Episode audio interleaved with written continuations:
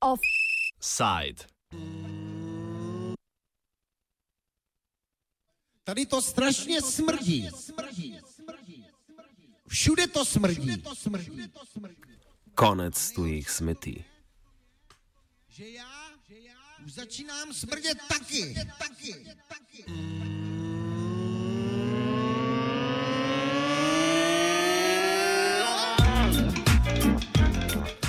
Kitajska je z včerajšnjim dnem prepovedala uvoz več vrst odpadnega materijala. Prepoved se nanaša na 24 vrst odpadkov, med drugim embalažne plastike, več vrst tekstila in mešanega papirja. S prepovedjo želi Kitajska spodbuditi reciklažo domačih odpadkov.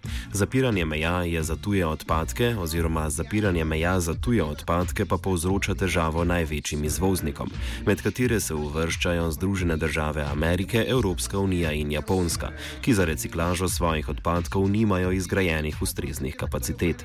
Kitajska namreč uvozi dve tretjini odpadne plastike na svetovnem trgu in je daleč največja uvoznica te surovine. O razlogih in posledicah kitajske prepovedi uvoza odpadne plastike ter stanju njenega, recikliranja v Evropi se pogovarjamo z Maeve Bolger iz organizacije Friends of the Earth ter Rethink Plastic Alliance. No a můžeš si čistit zuby klidně 40krát denně, ale ty prostě pořád... Bolger uvodoma predstavi, katere vrste odpadkov je Kitajska prepovedala uvažati. So they announced, the Chinese government announced in July of this year um, to uh, ban, a complete ban on imports of 24 kinds of solid scrap, so solid waste. Um, and included in that, there's four categories, um, and one was personal slash household waste plastic. Uh, so that includes all post-consumer. We call it post-consumer plastic, but it's basically the plastic that we have in that we use in households, um, like bins, what's thrown into the bins on the street, all that kind of individual um, plastic waste. So that's that's going to be completely banned. Kitajska neposredno in preko Hongkonga uvozi dve tretjini vsega svetovnega izvoza odpadne plastike, skupaj z uvozom preko drugih držav pa ta delež še naraste. Velik del konča v slabo reguliranih predelovalnih obratih, v katerih ni nadzora nad okoljskimi standardi in zaščito delavcev. Bolger predstavi primer, v katerem je ameriško podjetje na kos odpadne plastike namestilo GPS sledilno napravo in na ta način ugotovilo pot odpadkov ter končni način predelave. A really interesting story from our colleagues in the US. They put a GPS tracker on a plastic bale. So the colleagues they run a recycling, a small recycling company in California. They put the GPS tracker on the plastic bale and tracked it across. So they knew they exported because um, on the west coast of America, it's much cheaper to export that oh, across the Pacific than to um, send it to the nearest place in the US. So it ended up it went to Hong Kong and stayed in Hong Kong port for a while. Then, as most of the waste that goes into Hong Kong it gets re-exported to China, so it went to China, and then they could see it. It went inland into kind of the middle of China, um, and then they got one of our colleagues in China to actually go and see where it was ending up. It would end up in the middle of China in this awful yard that didn't have any. There was stuff leaking into the, the river, a river nearby. Um, but yeah, there was just really terrible environmental controls. The workers weren't wearing anything um, to protect themselves, and we know plastics are toxic. A lot of plastics. Poleg želje, da spodbudi reciklažo doma ustvarjenih odpadkov, je Kitajska uvedla prepoved na uvoz tudi zaradi vedno večjega zavedanja javnosti nad okoljskimi in zdravstvenimi problemi predelovalne industrije. Namene kitajskih oblasti predstavi Bolger. Um, mainly, it came out of that they want to drastically reduce the amount of waste that they're importing and build up their own because they're also in China starting to create more and more waste domestically in China. So to to deal with that um, is enough rather than importing so much waste on top of that. Um, and there was also a lot of public awareness and uh, strong reaction. And there was a, a documentary last year called Plastic China, which documented the impacts of plastics in China and the recycling industry there. Uh, so that really created a strong public reaction um, over this, and that was another reason for the ban. Evropska unija 40 odstotkov plastike, ki je namenjena reciklaži, izvozi. To predstavlja približno 12 odstotkov vse odpadne plastike. Večina konča na kitajskem. EU collectively, so this is a figure for the, the entire EU, uh, 40% of the plastics that are collected for recycling are exported outside of Europe. Um, and that corresponds to, I think it's 12% of the entire post consumer, the entire uh, plastic waste that we produce, it's 12% is exported.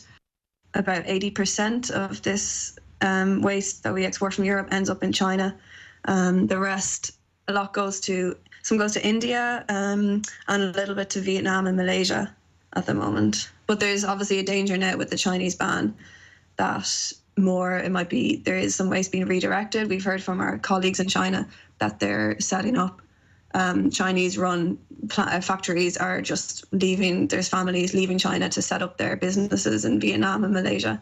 So this is quite worrying. It doesn't solve the problem, it's just shifting the problem to other countries. Bolger kot države, ki bi lahko zapolnile izpad kitajskega povpraševanja po odpadni plastiki, omenja Indijo, Malezijo in Vietnam. A te države so leta 2016 skupaj odkupile le približno 4 odstotke in pol ponudbe te surovine na svetovnem trgu. Skupaj torej približno 15 krat manj kot Kitajska. Njihova sposobnost odkupa vse odvečne plastike na trgu je torej vprašljiva. Zato se Bolger boji, da bo večji del pristal v sežigalnicah ali na odpadih. Problem je predvsem pri odpadkih nizke kvalitete, za reciklažo katerih v državah Evropske unije ni vzpostavljenih kapacitet.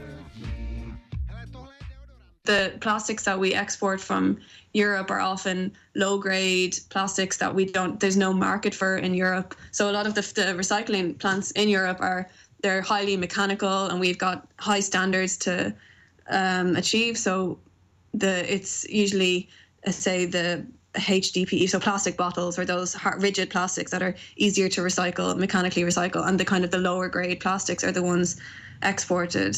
Um, one of these, one, an example is agricultural film. So the, the film uses used for um, in agriculture that goes over the plants. That's there's no market for that in Europe at the moment. So I think it's one million tons per year are exported and that goes to China. So now when the ban comes in, it's just going to be, I think there's a lot of risk in the short term of more plastic going to incineration and landfill.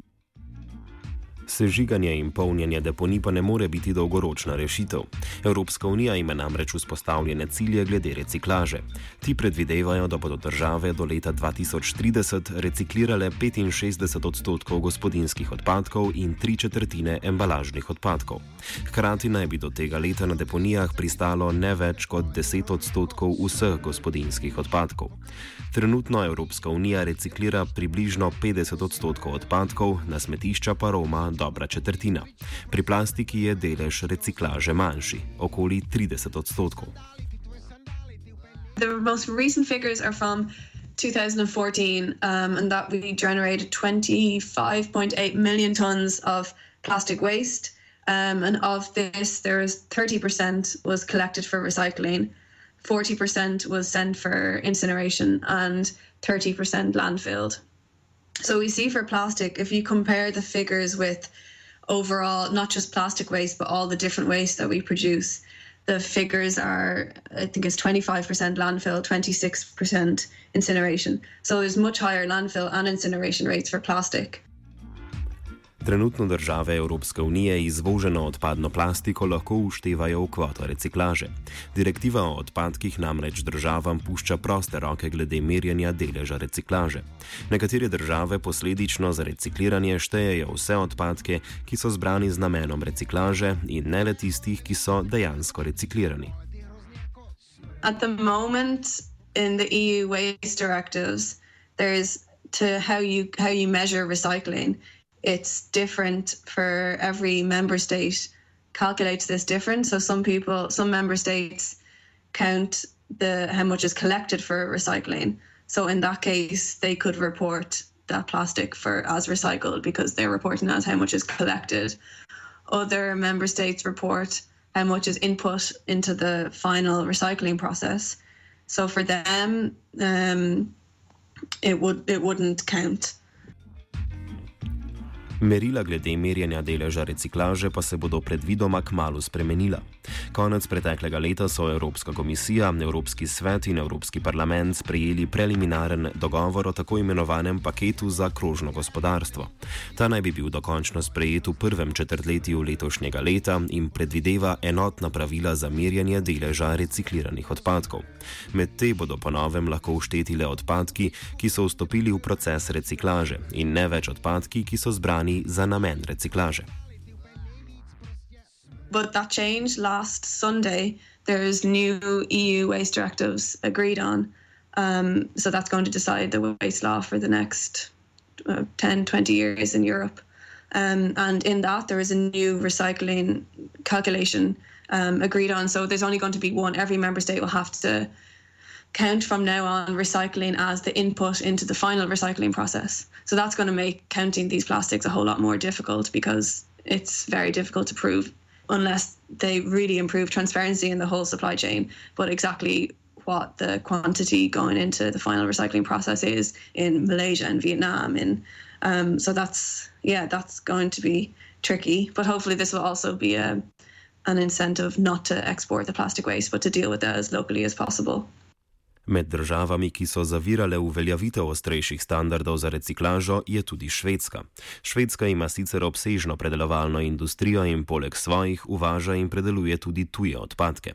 A velik del teh predelovalnih kapacitet zauzemajo sežigalnice in ne odpadki za obrati za reciklažo. So Sweden have a lot of, they incinerate a lot. They incinerate 50% approximately of, I'm not sure what the figure is for plastics, but of overall waste. They incinerate half of their waste. So they've got a huge incineration capacity, and they they do they import waste from the UK from other uh, countries to incinerate. So that's a huge problem with Sweden, and they're actually one of the member states blocking promoting blocking getting higher recycling targets in the EU waste directives recently um, because they have so much incineration capacity they can't they don't want to try and recycle more so they're actually a bit of a problematic country, and I think sometimes they're seen as green. And it's the same with a lot of. It was the same with Germany. They have a lot of incineration, so they were also blocking higher recycling targets. They've kind of reached their peak, and they don't want to try to get higher. Nemčija je sicer glede na delež recikliranih odpadkov s 56 odstotnim deležem prva na svetu. Med prvo deseterico pa se glede na mednarodno primerljivo metodologijo v poročilu nevladne organizacije Evropski okoljski biro uvršča tudi Slovenija, kjer recikliramo slabih 46 odstotkov vseh gospodinskih odpadkov. Um, but countries like actually Slovenia, I'm sure you know that the, uh, Slovenia is always a great example that we talk about and how it, it jumped up its recycling rate so much. It's in there is a report um, a couple of weeks ago on recycling rates globally, and in Slovenia was in the top ten. So this is using because, as I was saying, member states, countries measure how they recycle, measure the recycling differently. Um, so they adjusted it to make sure it was all on the could be comparable between countries. But yeah, Germany still comes out on top. Germany, Austria, Wales, Switzerland, Italy, Belgium, the Netherlands, Slovenia. They're all in the top ten global global recyclers. Po podatkih slovenskega statističnega urada pa je Slovenija predlani reciklirala 58 odstotkov vseh gospodinskih odpadkov, kar je 35 odstotnih točk več kot leta 2010. V tujino je izvozila slabih 11 tisoč ton oziroma dober odstotek odpadkov. Jako, ja, jako, ne vem, vůbec, jak ti to jako mám říct, jako, ale ty hrozně jako smrtíš. Offside je pripravil Twitter.